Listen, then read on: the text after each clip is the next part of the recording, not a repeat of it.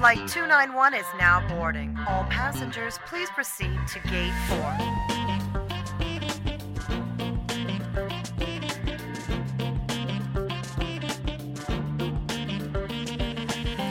Hei og hjertelig velkommen til en ny episode av Reiseklar med EF, denne podkasten som er skapt for deg som elsker å reise og oppleve verden.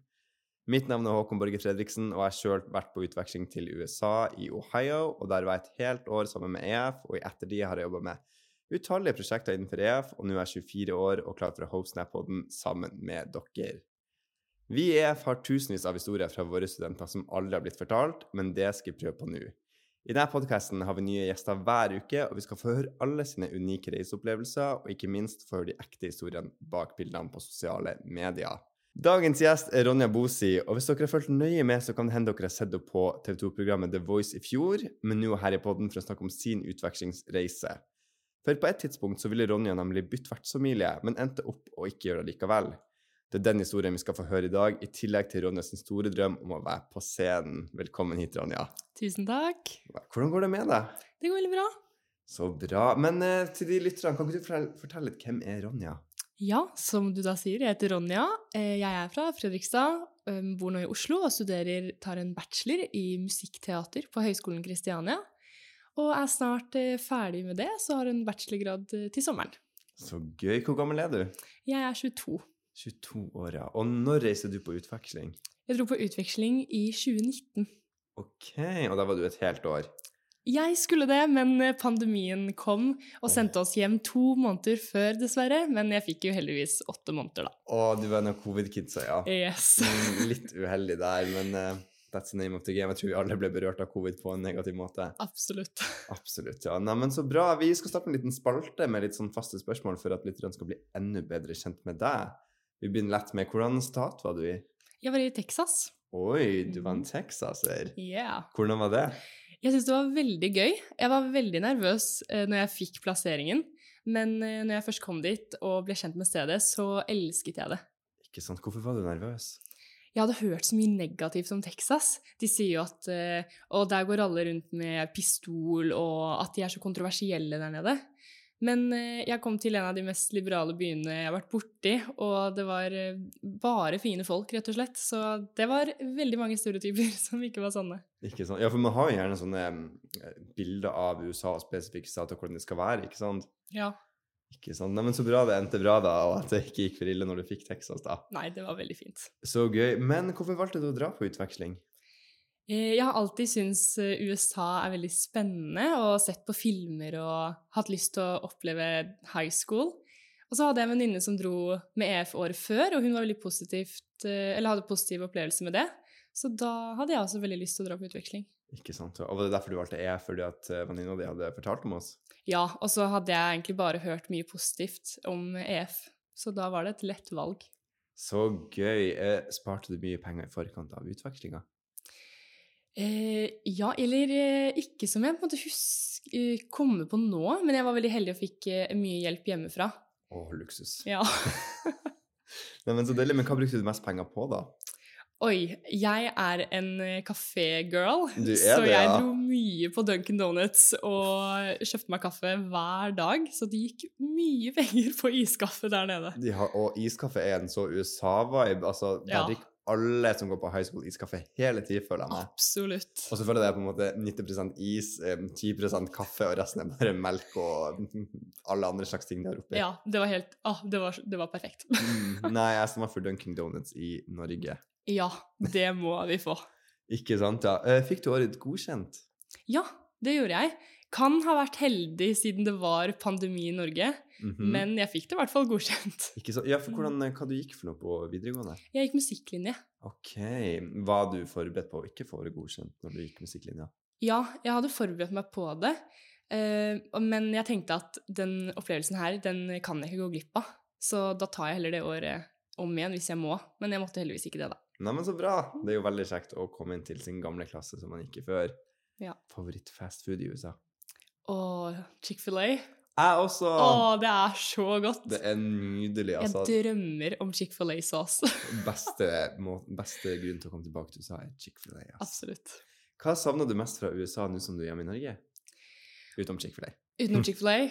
Um, det må nok være det klassiske svaret. Venner Ja, og alle folka, rett og slett. det blir jo det. Ja, savner det utrolig mye, det samholdet man fikk.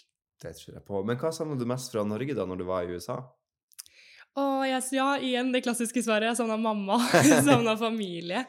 Og norsk melkesjokolade. Åh, Ja. Hershey's kan ikke sammenlignes Nei, engang. absolutt ikke. Vet du hva, jeg syns faktisk Hershey's Ikke for å tulle, men jeg syns faktisk sånn spy. Jeg vet ikke hvorfor, men det hadde sånn spytendens. Jeg vet ikke hvorfor. Nei, jeg tror jeg ble vant til det etter hvert. Man ble liksom vant sånn Hershey's Kisses. Det syns jeg var veldig godt når det kom sånn desembertid. Ja. Men da hadde man blitt vant til disse amerikanske smakene, tror jeg. Mhm. ja, mamma sendte meg masse pakker med sånn, og der var det mye melkesjokolade, oh, så ja. jeg hadde masse lager i løpet av mitt år, Ja. Jeg hadde litt, jeg òg. Ikke sant, ja. Og for å avslutte denne spalten har vi This or That, et lite dilemma. Mhm. Vil du enten flytte tilbake til USA, bo der resten av livet, og du kan reise ut til alle andre land på ferie utenom Norge?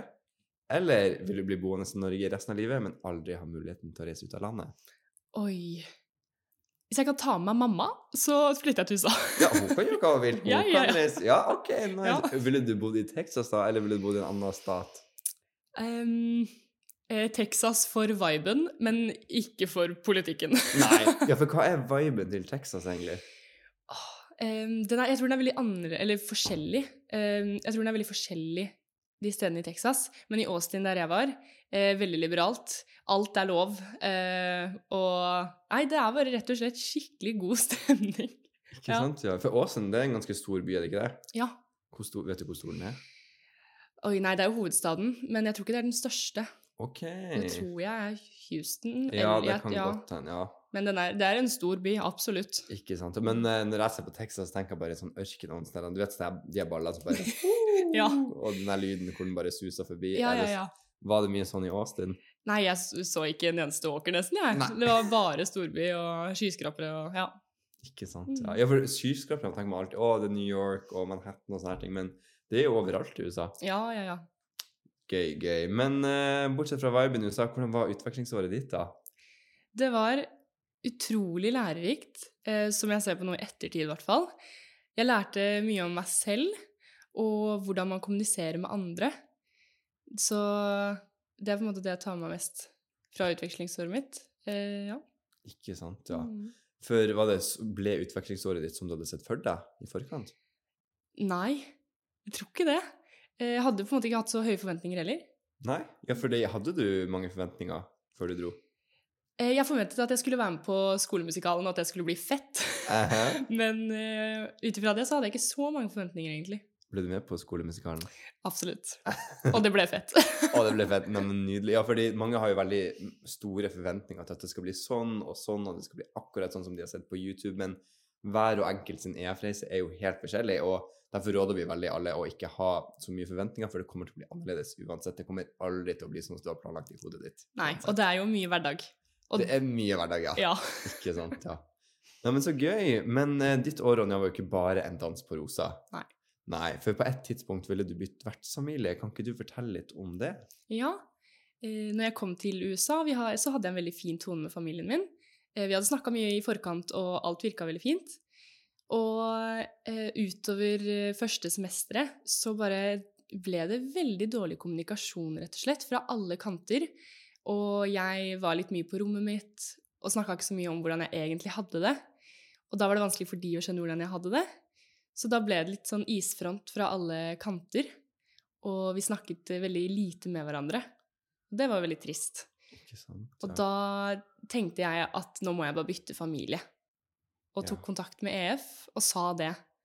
Eh, Og da fikk jeg heldigvis hjelp fra de, da. Ikke sant, ja. ja. For hvem tok du kontakt med AVF? For det er jo mye Vi har et veldig stort eh, støttenettverk man kan velge mellom, så hvem du tok kontakt med, da?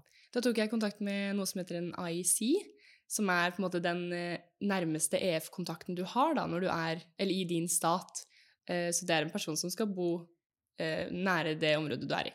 Så jeg tok kontakt med henne, og hun sa OK, vi kan ha en samtale, bare du og jeg. Og så gjorde vi det, og hun sa med en gang at men du må jo snakke med de.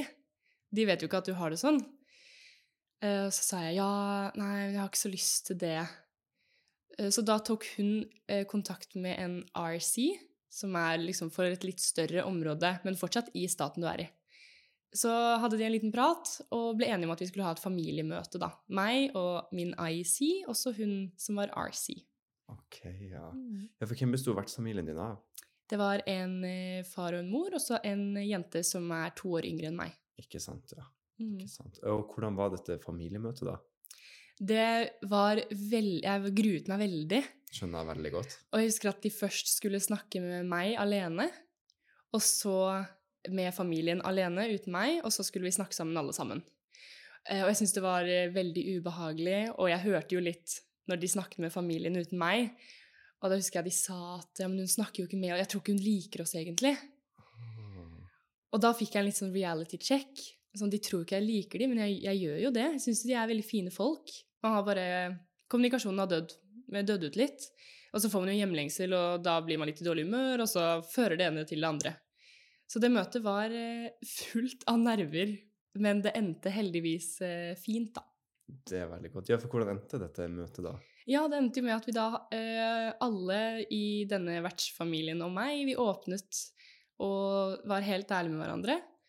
Og så ble det, det ble mye bedre. Vi uh, fikset kommunikasjonen vår, og vi tok uh, vi, vi prioriterte å snakke med hverandre om vi, hvordan vi hadde det. Og jeg, jeg merket at de også ga meg rom til å, til å føle på hjemlengsel. Um, som de helt sikkert hadde gjort før også, men eh, nå fortalte jeg de faktisk at jeg hadde litt hjemlengs hjemlengsel.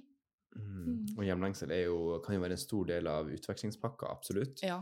For når man drar på utveksling, så man, blir man ofte veldig sårbar i en sånn situasjon, for man drar helt alene til et helt nytt land. Mm. Men eh, hvordan var det du takla denne hjemlengselen, da? Eh, Den hitta meg litt sånn rundt juletider, som det ofte gjør. Eh, Og da takla jeg det veldig dårlig. Da var det bare sånn gjemme seg inn på rommet. Okay. Spise den norske sjokoladen jeg hadde fått av mamma, og eh, ikke si det til noen, egentlig. For jeg følte kanskje at det var litt Ikke at det var teit å føle på, men at man har litt den Nå har man brukt så mye penger på dette, og det er en once in a lifetime-greie, og så skal man sitte her og føle hjemlengsel. Så jeg hadde kanskje litt sånn skam også for meg selv, da. At jeg følte hjemlengsel. Uh, Så jeg taklet det veldig dårlig helt fram til jeg hadde den familiesamtalen. Ja, for når på året var det dere hadde denne samtalen? Uh, Det var rundt eh, starten av januar. Ikke sant, ja. Mm. Ja, men det var skummelt, og man er jo ung. Hvor gammel var du på det tidspunktet? Jeg var 17, og så ble jeg 18 da i januar. Ikke sant, ja. Mm. ja. For det er skummelt å skal åpne seg, for er du en konfliktsky type, kanskje? Veldig konfliktsky. Samme her. Det er ikke lett å være en konfliktsky person, absolutt ikke. Nei. Og det er litt av utvekslingspakka er å gå ut av komfortsonen sin, Mm. og det høres ut som du har gjort det i veldig stor grad. Mm. Eh, hvordan, hvordan var det egentlig hele greia å gå så ut av komfortsonen sin? Ja, der og da så tror jeg kanskje ikke jeg kjente så mye på det.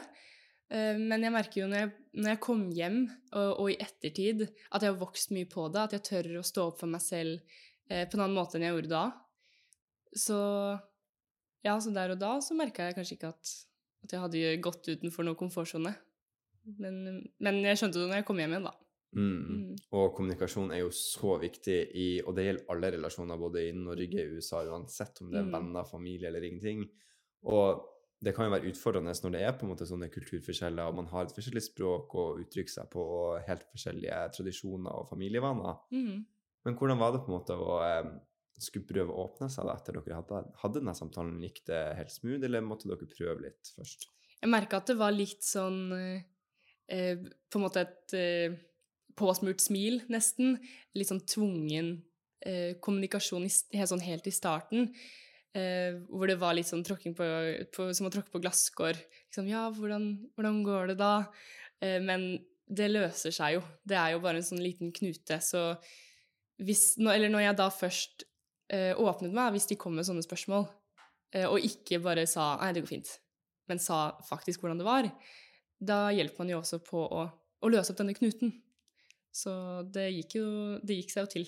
Absolutt. Og det er jo når noen spør går det bra, jeg tror 90, 90% av alle sier ja, det går bra, selv om det ikke gjør det. Og Ja. det er jo noe man kan rela- relatere til uansett hvordan alder man er i. Mm, absolutt. Absolutt, ja. Men uh, hvordan er det du ser tilbake på hele situasjonen da? Lærte du noe ut av den, eller? Ja, eh, det gjorde jeg. Det er ofte jeg ser tilbake og angrer litt på hvordan jeg eh, oppførte meg, rett og slett. Um, Det er, kan jo være fordi da var jeg 17, og nå er jeg 22, og man blir jo eldre og innser sine feil. Men jeg sitter igjen med eh, med litt sånn klump at å, jeg skulle, jeg skulle gjort noe annet, eller jeg skulle oppført meg annerledes, eh, behandlet den relasjonen til vertsfamilien min på en annen måte. Fordi eh, jeg har jo veldig lyst til å ha et, en god relasjon til de. Og jeg har fortsatt en grei relasjon til de, men ikke så fin som hvis jeg hadde oppført meg litt annerledes, rett og slett på, i selve utvekslingsåret mitt. Absolutt, og det, og det, tror jeg er veldig lett å være etterpåklok, på en måte. Ja. Og, men når man har hjemlengsel, det er, det er ganske mye følelser i det. Mm. Og det var rundt juletida det hytta ekstra Ja. hardt. Hvorfor tror du det hytta ekstra hardt i juletida? Jeg tror kanskje For det, det er noe med den at her i Norge så er vi veldig eh, tradisjonsbaserte når det kommer til jula. Vi gjør eh, dette på denne datoen, vi ser på Grevinne og hovmesteren lille julaften. Men sånn er det ikke i, nødvendigvis i USA, og i hvert fall ikke i den familien jeg var i. Vi spiste frossenpizza på julaften, liksom, for det var ikke noen sånn stor dag for de. Å ja, ja, for de har jo 25. kanskje som Ja. sin store dag, ja. Ja, eh, så jeg tror det bare var at det var så utrolig annerledes eh, enn det er her hjemme i Norge. Da ble jeg helt litt sånn satt ut av det, for jeg er så glad i jula. Mm. Og så ble det ikke noe av den jula jeg pleier. Men Norge er, er føler Norge er et veldig juleland. Veldig juleland. Og de har jo selvfølgelig store julelys og sånn i USA, men eh, det er en helt annen julevibe her hjemme i Norge enn det er i USA. 100% Jeg tror Texas det, Jeg ser ikke for meg det var snø der heller i Nei, desember. nei, nei. Jeg sa til alle vennene mine at jeg skjønner ikke hvordan dere har julestemning. Det er jo, det er jo 30 plussgrader og ikke noe snø, liksom. Det. Absolutt. Ja. for jeg kom nettopp hjem fra et uh, utvekslingssemester i Lisboa. Mm. Og der var jeg også i hele desember, og der var det jo ikke noe snø på bakken, over 20 grader. Og da var sånn Hvordan får folk julestemning her? ja. Det er jo litt sånn samme med USA, da, på en måte. Mm. At uh, i de sørlige strøk så er det ikke så mye snø. Jeg føler det er en veldig sånn norsk del av julefølelsen, da. Ja, absolutt, altså. Så det, jeg tror det bare var forskjellene, rett og slett. Mm. Mm. Og det er jo et ordtak vi har her i EF, at det er nødvendigvis ikke bedre eller verre, det er bare annerledes, og det er en del av en måte, det å reise ut og møte nye kulturer, at ting er ofte annerledes, og det betyr ikke nødvendigvis at det er bedre på noen måte eller verre på noen måte. Det er bare sånn andre har det, rett og slett. Mm, ja, for de hadde jo jul, og de hadde jo sikkert eh, julestemning på sin måte. Selv om Mm. jeg ikke hadde det, for det er jo normalen for de. Men når du ser tilbake på det, og hvis det er noen som skulle kommet seg i en sånn situasjon igjen, hvor de kanskje skjøtta seg litt inne, har du noen tips til dem til hva de kan gjøre for å gjøre det litt enklere? Jeg vil tipse om at eh, man kan skrive ned det man føler, hvis man syns det er vanskelig å si det høyt. Og bare ta det lille steget og si til vertsfamilien din 'Jeg har det litt vanskelig', eller eh, 'Jeg er litt nedfor'. Jeg vet ikke helt hvorfor, men jeg har det ikke tipp topp. Fordi så lenge, eh, så lenge de du er nærmest, vet hvordan du har det, så kan de forholde deg til deg på en annen måte. Og kanskje de da ikke forventer måte så mye fra deg som hvis du er i, i topp humør. Hvis du sier at du, nå har jeg, litt, litt hjemlengsel, rett og slett, så hvis jeg er litt mye på rommet mitt, så har det ingenting med dere å gjøre. Men bare savner eh, ribbe, liksom. Eller noe sånt. Eh, så skriv det ned. Altså, gi de et brev hvis du ikke orker å si det, men bare si noe. Ikke hold alt for deg selv.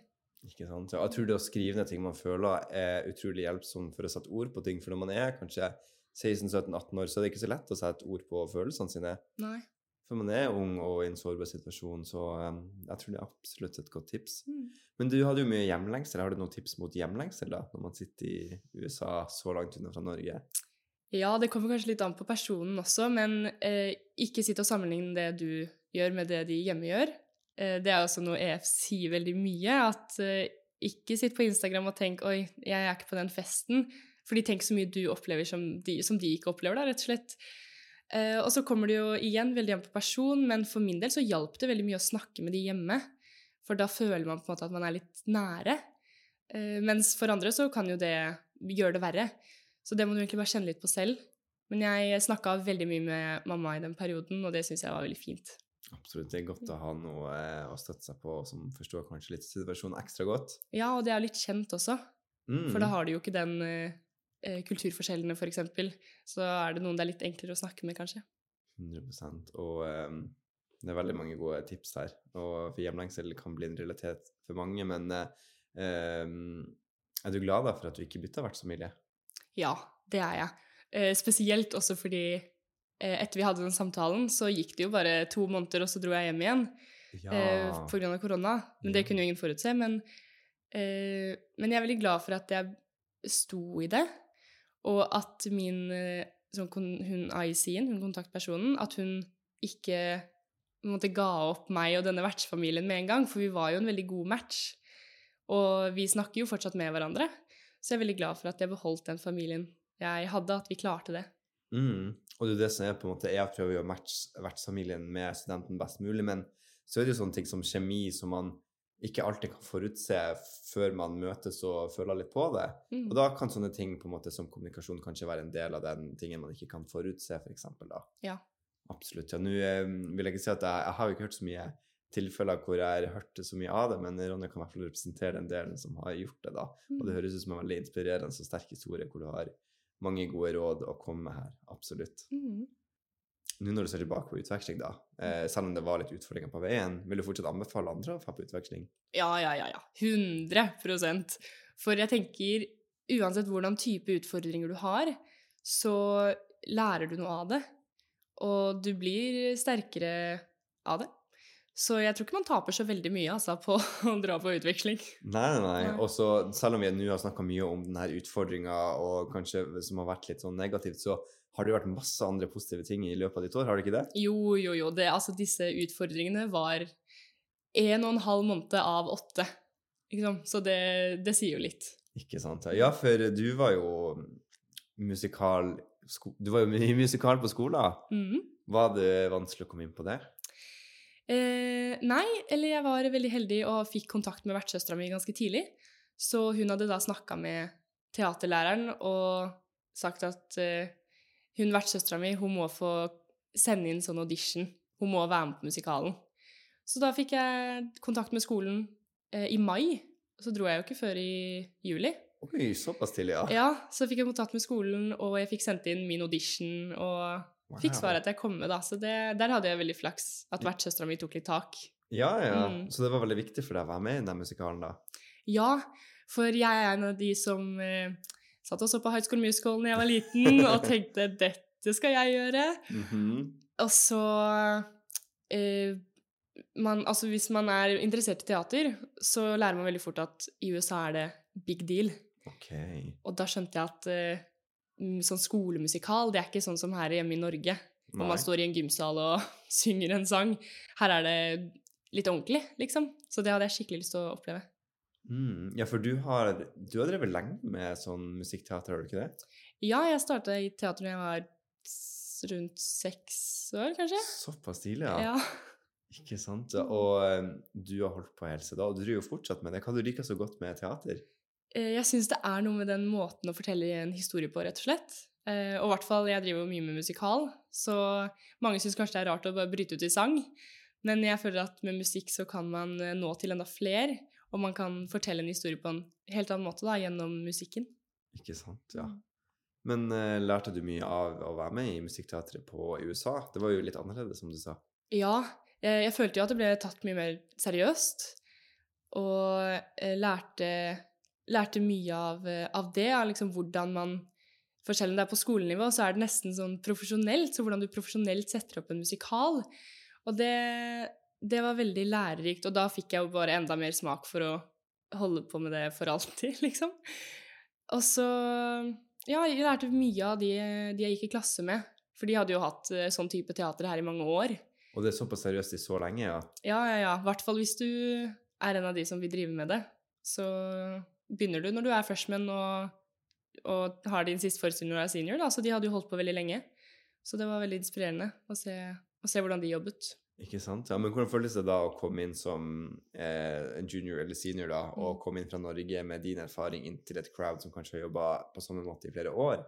Følte du at du måtte tilpasse deg veldig for deres eh, måte å gjøre det på? Ja, men samtidig så var jeg så eh, ivrig på å lære holdt på å si, den amerikanske måten å gjøre musikkteater. Så jeg sugde til meg så utrolig mye informasjon, så jeg la nesten liksom det jeg holdt på med, la litt bak meg i ryggsekken. Og så bare var jeg en svamp og sugde til meg all informasjon jeg kunne få. Ikke sant, ja. Men øh, fikk du mye samhold i det musikkteatret, da? Ja, Absolutt. Det er eh, Jeg tror det er noen av de beste vennene jeg har hatt, øh, holdt på å si, i hele livet mitt. Eh, det er noe med teaterfolk, rett og slett. Man blir veldig Man er veldig mye sammen pga. disse produksjonene. Og da blir man jo en, eh, en eh, tett gjeng. Så de også, Ja, så de vennene, de hadde jeg. De, jeg tror jeg aldri har hatt så gode venner før, rett og slett. Å, så koselig, da. Mm. Hvordan var det å si ha det til, de, da? Åh, det var helt forferdelig, og i hvert fall når man får sånn melding at eh, nå kan det hende Norge stenger grenser, så du må hjem om to uker. Og det er jo pandemi, så man får jo ikke samlet, og jeg fikk jo ikke sagt ha det til alle på ordentlig måte engang. Og det er veldig, veldig trist, men eh, Men eh, ja, jeg sitter jo igjen med bare gode minner, rett og slett, og gode relasjoner som jeg fortsatt har kontakt med. Ikke sant? Mm. Ja. Har du eh, tenkt å dra tilbake til Texas og besøke vennene og vertsfamilien din igjen? Ja, det må skje. Det er bare så synd at disse flybillettene er så dyre. De er nå dyr. Uff. Men eh, tilbake til Texas, det skal jeg en vakker dag. Så Mm. godt å høre, ja. Men du har jo vært med på The Voice, Ronja. Ja, Hvordan var det? det var veldig gøy. Det er veldig gøy å være med på et uh, TV-program som på en måte alle vet om. Ja. Sånn, alle vet jo hva The Voice er. Så det er litt sånn stort. Uh, så det Nei, det syns jeg var veldig moro. Hvordan endte du opp med å melde deg på det her? Nei, jeg er jo litt glad i mitt eget ansikt. Nei, men jeg er glad i å vise meg litt eh, fram, rett og slett. Eh, Og jeg skal inn i en bransje hvor det er viktig å, å tørre å by på seg selv. Så da tenkte jeg at eh, nei, nå prøver jeg, og jeg prøver å melde meg på, så får vi se hvordan det går. Og så gikk det veldig bra. Og det syns jeg var utrolig spennende, rett og slett. Så Mm. gøy. Men eh, berga du deg litt for å melde deg på, eller var du sånn klart nei, jeg skal selvfølgelig være med på The Voice?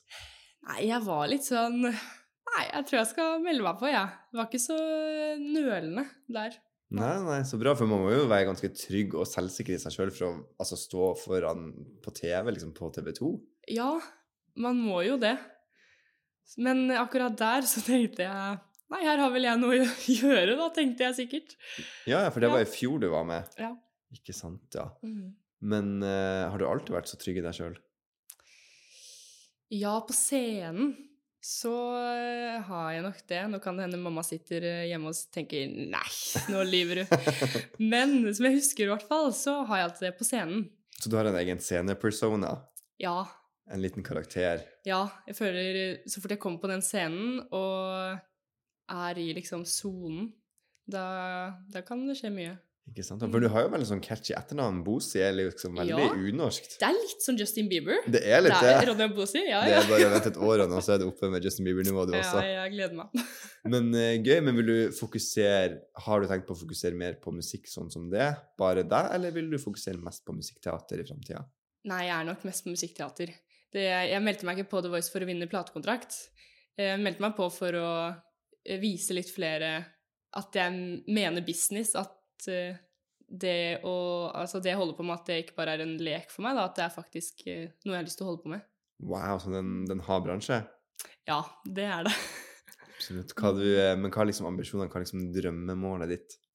Eh, Nå som jeg eh, er 22 og kan tenke realistisk, så er drømmemålet mitt å stå på Folketeatret her i Oslo. For, fordi jeg syns de setter opp de beste musikalene, rett og slett. Når jeg var eh, i USA, så tenkte jeg jeg skal stå på Broadway i New York. Uff, ja. Jeg er blitt litt uh, mer realist og skjønner at det kanskje er bitte litt lenger unna. Så jeg holder meg til Oslo og Folketeatret som min største drøm akkurat nå, i hvert fall. Ikke sant? Føler du det hjelper å ha litt sånn erfaring fra USA da, når du er i denne bransjen? da? Ja, for i USA er de jo liksom brautende, og de har spisse albuer og tør å heve stemmen sin litt, og det er vi ikke så flinke til her i Norge. Så det lærte jeg nok eh, litt av når jeg var der, ja. Ta litt plass. Ja, det, det er hardt å ta plass når man er en konfliktsky person. Absolutt. Men selv om det er en ganske tøff, utfordrende bransje, ville du anbefalt andre å gå inn i den? Ja, det ville jeg. Det er eh, mye Det er mange skjulte skatter eh, som kommer av å eh, jobbe med musikkteater, rett og slett. Mm. Ikke sant? Og The Voice, da, vil du anbefale det til videre andre hvis noen vurderer å melde seg på? Ja. Det, ta den sjansen. Du taper ikke noe på det. Du lærer, igjen, du lærer masse. Så absolutt, hvis man sitter inne med en sangspyr, så er det bare å melde seg på. Men du ble valgt av Du ble valgt, ble du ikke det?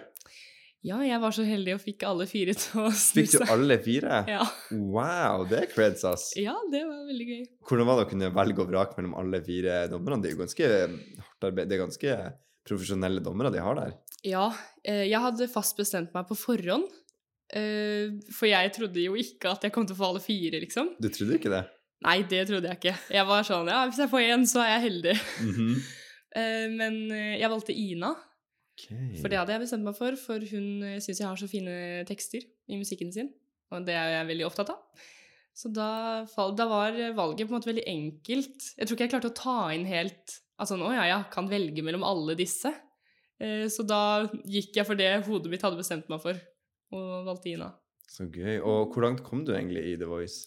Jeg kom kun til runde to, så jeg kom til duellen. Ok. Ja. Men hvor mange, hvor mange programmer er man med i da? Eh, Da var vi på to. Og det er på to. Ja, Mm. ikke sant, ja. Og da, var, og da gikk du ut i en duell?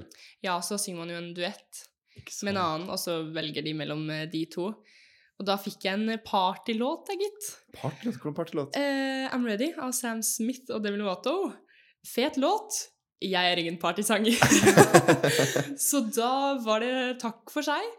Men eh, jeg følte jeg fikk vist hvem jeg faktisk er på den første runden, da. Så det, jeg går jo ikke ut, ut av The Voice tomhendt, på en måte. Nei, nei, nei, fått vist ansikt og fikk Ja, alle fire dommerne. Det er jo Ja, det er jo ikke bare bare det. Det er ikke bare bare. Nei, men så gøy. Men uh, så gøy, Ronja. Mm. Nå når vi er, tenkte vi å gå gjennom noen veldig vanlige spørsmål som vi vet mange lurer på. Mm. Um, et av de første er kan man bo med en venn på utveksling? Og det, du vet vel kanskje du også det? Nei, man kan vel ikke det. Man kan ikke det. Når man drar på utveksling, så vil man jo på en måte at våre studenter skal få den autentiske følelsen av vertslandet de er i. Så hvis de er i USA, så vil vi at de skal få oppleve den amerikanske kulturen. Og da er det veldig lett hvis du bor med en annen nordmann eller en venn, at du på en måte bare fokuserer, er med den personen og snakker norsk hele tida. Og mange sier 'å, men jeg kan snakke engelsk', men i realiteten alle snakker norsk, gjerne. Mm. Eh, Så nei, man kan ikke bo med en venn. Da kan man heller søke på noe som heter EF Academy, som noe vi i EF tilbyr, eller Språkreise med EF. Så der har man muligheten til å søke på samme plass til samme tid, hvis man virkelig ønsker det. Hvor mye penger bør man spare opp? Du svarte litt på det her før i episoden, Ronja. Hvor mye Du hadde jo vel ikke spart så mye? Uh, nei, altså, jeg hadde jo sikkert spart litt. Det var jo ikke sånn at jeg bare fikk masse penger. Men uh, Millionær, du. millionær, jeg Nei, jeg hadde, jeg hadde deltid... Jeg hadde, kom, jeg hadde jo deltidsjobb før jeg dro til USA. Du hadde det. Jeg jobba på Søstrene Grene. Koselig. Ja, så da har jeg nok spart opp litt. Summen, den er jeg ikke helt sikker på. Nei, Nei. nei, det er lett å gå og glemme boka. Men det er lurt å altså, begynne å spare. Det Mhm. koster jo penger. Ja, ja, jeg jobba på BK i et halvt år, Ja, jeg, og flippa burgere. Ja. Tulla vi flippa det ikke engang. Det var en grillstokk vi hadde sjøl. Og der fikk jeg min, eh, min lønn for utveksling. Men husker du hvor mye du brukte sånn i måneden? For det er jo mange som lurer på hvor mye bør de sette Ja. av på hver måned. Nei, som sagt, det gikk jo mye penger til iskaffe. Men jeg tror jeg brukte rundt det som er anbefalt av EF, som er vel rundt sånn 2000 kroner, norske kroner i måneden, mellom to og tre. Det kommer jo litt an på måneden. Eh, I september er det jo homecoming, så skal du ofte ha en kjole eller eh, en dress eller et eller annet. Det er prom eh, på våren, så det kommer litt an på, da. Mm, ja, Men for da, eh, rundt 2000, tipper jeg. Ja, sånn prom og homecoming det er ganske extra i USA. Ja, jeg fikk jo ikke oppleve prom. Ripp. RIP, ja. Men jeg hadde homecoming. Mhm. Så jeg har en veldig fin kjole hjemme som jeg brukte på homecoming. Vakker, vakker. Ikke sant. Hvordan var homecoming? Jeg syns det var litt overvurdert, for å være helt ærlig, i hvert fall på min skole. Aha. Det var veldig gøy å ta bilder før, eh, men selve homecomingsdansen var jo bare disko i kantina. Det var liksom. det, ja. Det var ikke Ja. sånn leid lokal eller noe sånt? Nei da, det var disko i kantina. Okay. Um, og det var ikke så mange av mine venner som dro på homecoming, for det, jeg føler homecoming er litt mer sånn freshman eh, eh, Sophomore? Sophomore, ja. Det er de to første um, trinnene. Ja. Trinn, ja, det heter trinn. Ja, Ja, to første så trinnene 9. på og high 10. school. klasse, liksom. Ja. Jeg føler det er litt mer de som drar på homecoming, og så er det junior og seniors, de overtar pro prom, liksom. Mm. Ja, prom er jo liksom hakket over når det kommer til extraness, når det kommer til sånne ting. Ja, så var ikke så mange av mine venner på homecoming, og da var det ikke så gøy heller. Det var veldig gøy å ta bilder og kjøpe kjole og fikse det, da, altså. Det er fint. Ja, de bildene de er, det er blodseriøs, blodseriøs fotoshoot før prom ja. homecoming. Absolutt. Så gøy. Hadde du date forresten til homecoming? Nei, Mm. det hadde jeg ikke. Eller jeg hadde vært søstera mi, da. Ja, men Ja. det er like koselig, det. Ja da. Her er det også mange som lurer på kan man dra til LA. Og man kan jo teknisk sett komme til LA, men man må huske på at en by som LA er ganske turistbasert. Eh, man får på en måte ikke opplevd den autentiske amerikanske kulturen, fordi man opplever heller mer en sånn turistversjon hvor det er masse turister og ikke så mye amerikanere, rett og slett. Så vi prøver jo å unngå å plassere studenter midt i sånn smørøya, men heller litt sånn utenfor. Så kan man heller reise inn til selve sentrum hvis man ønsker det. Mm. Eh, bare for også med tanke på sikkerhet, og er litt tryggere utenfor de store byene. Mm. Men hvis man har et veldig sterkt ønske om å reise til en spesifikk stat eller region, så ha, kan man betale ekstra for stat- eller regionsønske. Og da kan man enten velge en region man har veldig lyst til å komme til USA, eller liste opp noen stater som man veldig vil komme til, og da vil jeg prøve sitt beste å plassere det innenfor enten den regionen eller de statene. Men hvis det ikke går, så får man jo selvfølgelig eh, pengene tilbake. Absolutt. Hadde du stat- eller region, syns jeg? Nei, jeg hadde bare sagt til meg selv Jeg kan dra hvor som helst, men ikke Texas. Nei, hadde du det? Det hadde jeg. Det sa jeg så lenge. Så ringer EF meg og sier ja, du skal til Cedar Park i Texas.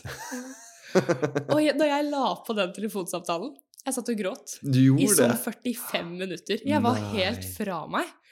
Jeg sa til de i klassen min. Da sa de sånn Ja, det var hyggelig å kjenne deg, da. Ha det bra. Ah. For de trodde jo sånn Ja, du blir skutt. De hadde jo disse samme stereotypene som jeg hadde i hodet. Ja, ja. Men look at me now. Look at you now. Det er et av de flotteste stedene jeg har vært. Mm. Så selv om du kanskje nå tenker at LA er det beste valget, så vit at det er mange små eh, perler i USA. Så ja. Absolutt. Jeg føler mange har den der eh, tanken om at å, det er så mye våpen, men de blir jo veldig lite brukt. Ja, det blir det jo. Og jeg tenker her i Norge så føler vi kanskje at det skjer veldig mye og veldig ofte. Men, det, men USA er jo dritstort. Mhm. Så hvis du tenker på nyhetene, og så tenker du på hvor stort USA er, så skjer det jo ikke så ofte, så det er ikke noe å være redd for. Nei, jeg var nei. ikke redd for det, selv om jeg var i Texas, så tenkte jeg ikke på det ett sekund, liksom. 100% Jeg jobber jo selv i media og vet jo hvordan det funker. Altså, Mm. Man skriver jo bare når det går dårlig. Mm. Man skriver jo ikke alle gangene det går bra. Nei. Så eh, det er litt å tenke på det hvor stort USA faktisk er, og hvor Mm. faktisk lite brukt. Sånn våpen da blir brukt, selv om det er mange som har de. Mm. Eh, og det er en, en kulturforskjell som er i USA, at mange der liker å ha våpen, fordi det er en del av kulturen i noen spesifikke stater og byer og sånne ting. Ja. Mm. Men det er bra at eh, det er bra, Og da, da lærer man jo masse når man er på en, i Texas, eksempel, og man tror man har et veldig sånn innblikk i hvordan det faktisk er, og så er det helt annerledes. Ja, ja, jeg trodde jo at for å komme deg rundt så må du sitte på hest og ha cowboyhatt, liksom. Men Satt du noen gang på hest og har jeg aldri. Jeg tror jeg, tror jeg så en hest én gang, eller noe. Ikke sant, ja. Det var det. Ikke sant, ja. Neimen, eh, så bra. Og et annet vanlig spørsmål eh, vi, Nei, her er faktisk et spørsmål vi har fått fra noen lyttere som vi har sendt ut. Eh, Noen spør hvor lenge før stenger søknadsfristen seg. Og vi sier jo at jo tidligere, jo bedre. Vi har liksom ikke noe fast eh, tidspunkt når det stenger seg, men når det er fullt, så er det fullt. Og det begynner å spisse seg til på våren, sånn cirka. Og jo tidligere, jo bedre, så da får man også med seg alle forberedelsesmøtene, man kan bli kjent med de andre som skal reise, og man blir enda bedre forberedt til å fære. Husker du når du søkte på utveksling? Veldig tidlig. Oi, hvor tidlig da? Uh, kan det ha vært i 2017 Nei, midten av 2017 eller noe, tror jeg. Ok. Jeg var, veldig, jeg var en av de første, tror jeg, i Class of 20 som uh, meldte seg. Mhm. For jeg husker jeg var her på kontoret, og det var ikke veldig mange av oss. Så jeg meldte meg på utrolig tidlig. mm, og det er en fordel, for da får man bli hjemme med fra hele starten. Så hvis du Mm. vurderer utveksling, og selv om det er mange år til, så er det bare å melde seg på, så har man en god dialog med EF hele veien, så man er så forberedt som, bad, både, som bare mulig. For det er mye som skal fikses med tanke på søknad og visum, så jo tidligere, jo bedre, egentlig. Mm. Eh, Lånekassen, hvor mye kan man få i støtte? Og nå er det sånn at man får sånn ca. 60 000 kroner av Lånekassen, og det er sånne penger man får som stipend, ikke når man må betale tilbake, så det man kan bruke til odel og eie. Eh, men det er kun hvis man får året sitt godkjente velbemerke. Um, og du fikk vel også en sum du òg? Jeg vet ikke, ble det endra pga. covid? Nei. Nei, så, Nei. så bra. Mm. Ja, var, jeg tror Norge hadde nok å styre med på andre plan, rett og slett. Mm -hmm. ja, ja. ja. Jeg nyter godt av mine 60 000 kroner i hvert fall. Neimen, så bra. Det var egentlig det vi hadde for i dag. Tusen takk, Ronja, for at du kunne komme hit og fortelle din historie. Jeg setter veldig pris på det. Det tror jeg lytterne også vil gjøre. ja, takk for at vi kom med. Absolutt. Og hvis du er mer interessert i EF, er det bare å sjekke ut ef.no, hvor du kan finne mer informasjon, brosjyrer, kontaktinfo og enda flere historier fra oss i EF. Og hvis et sånt spesifikt tema eller noe du ønsker å høre i denne podden, er det bare å sende oss en DM på Instagram, EF Norge og EF Utveksling, og gjerne følg oss der, TikTok, Snapchat, så ses vi neste uke. Tusen takk.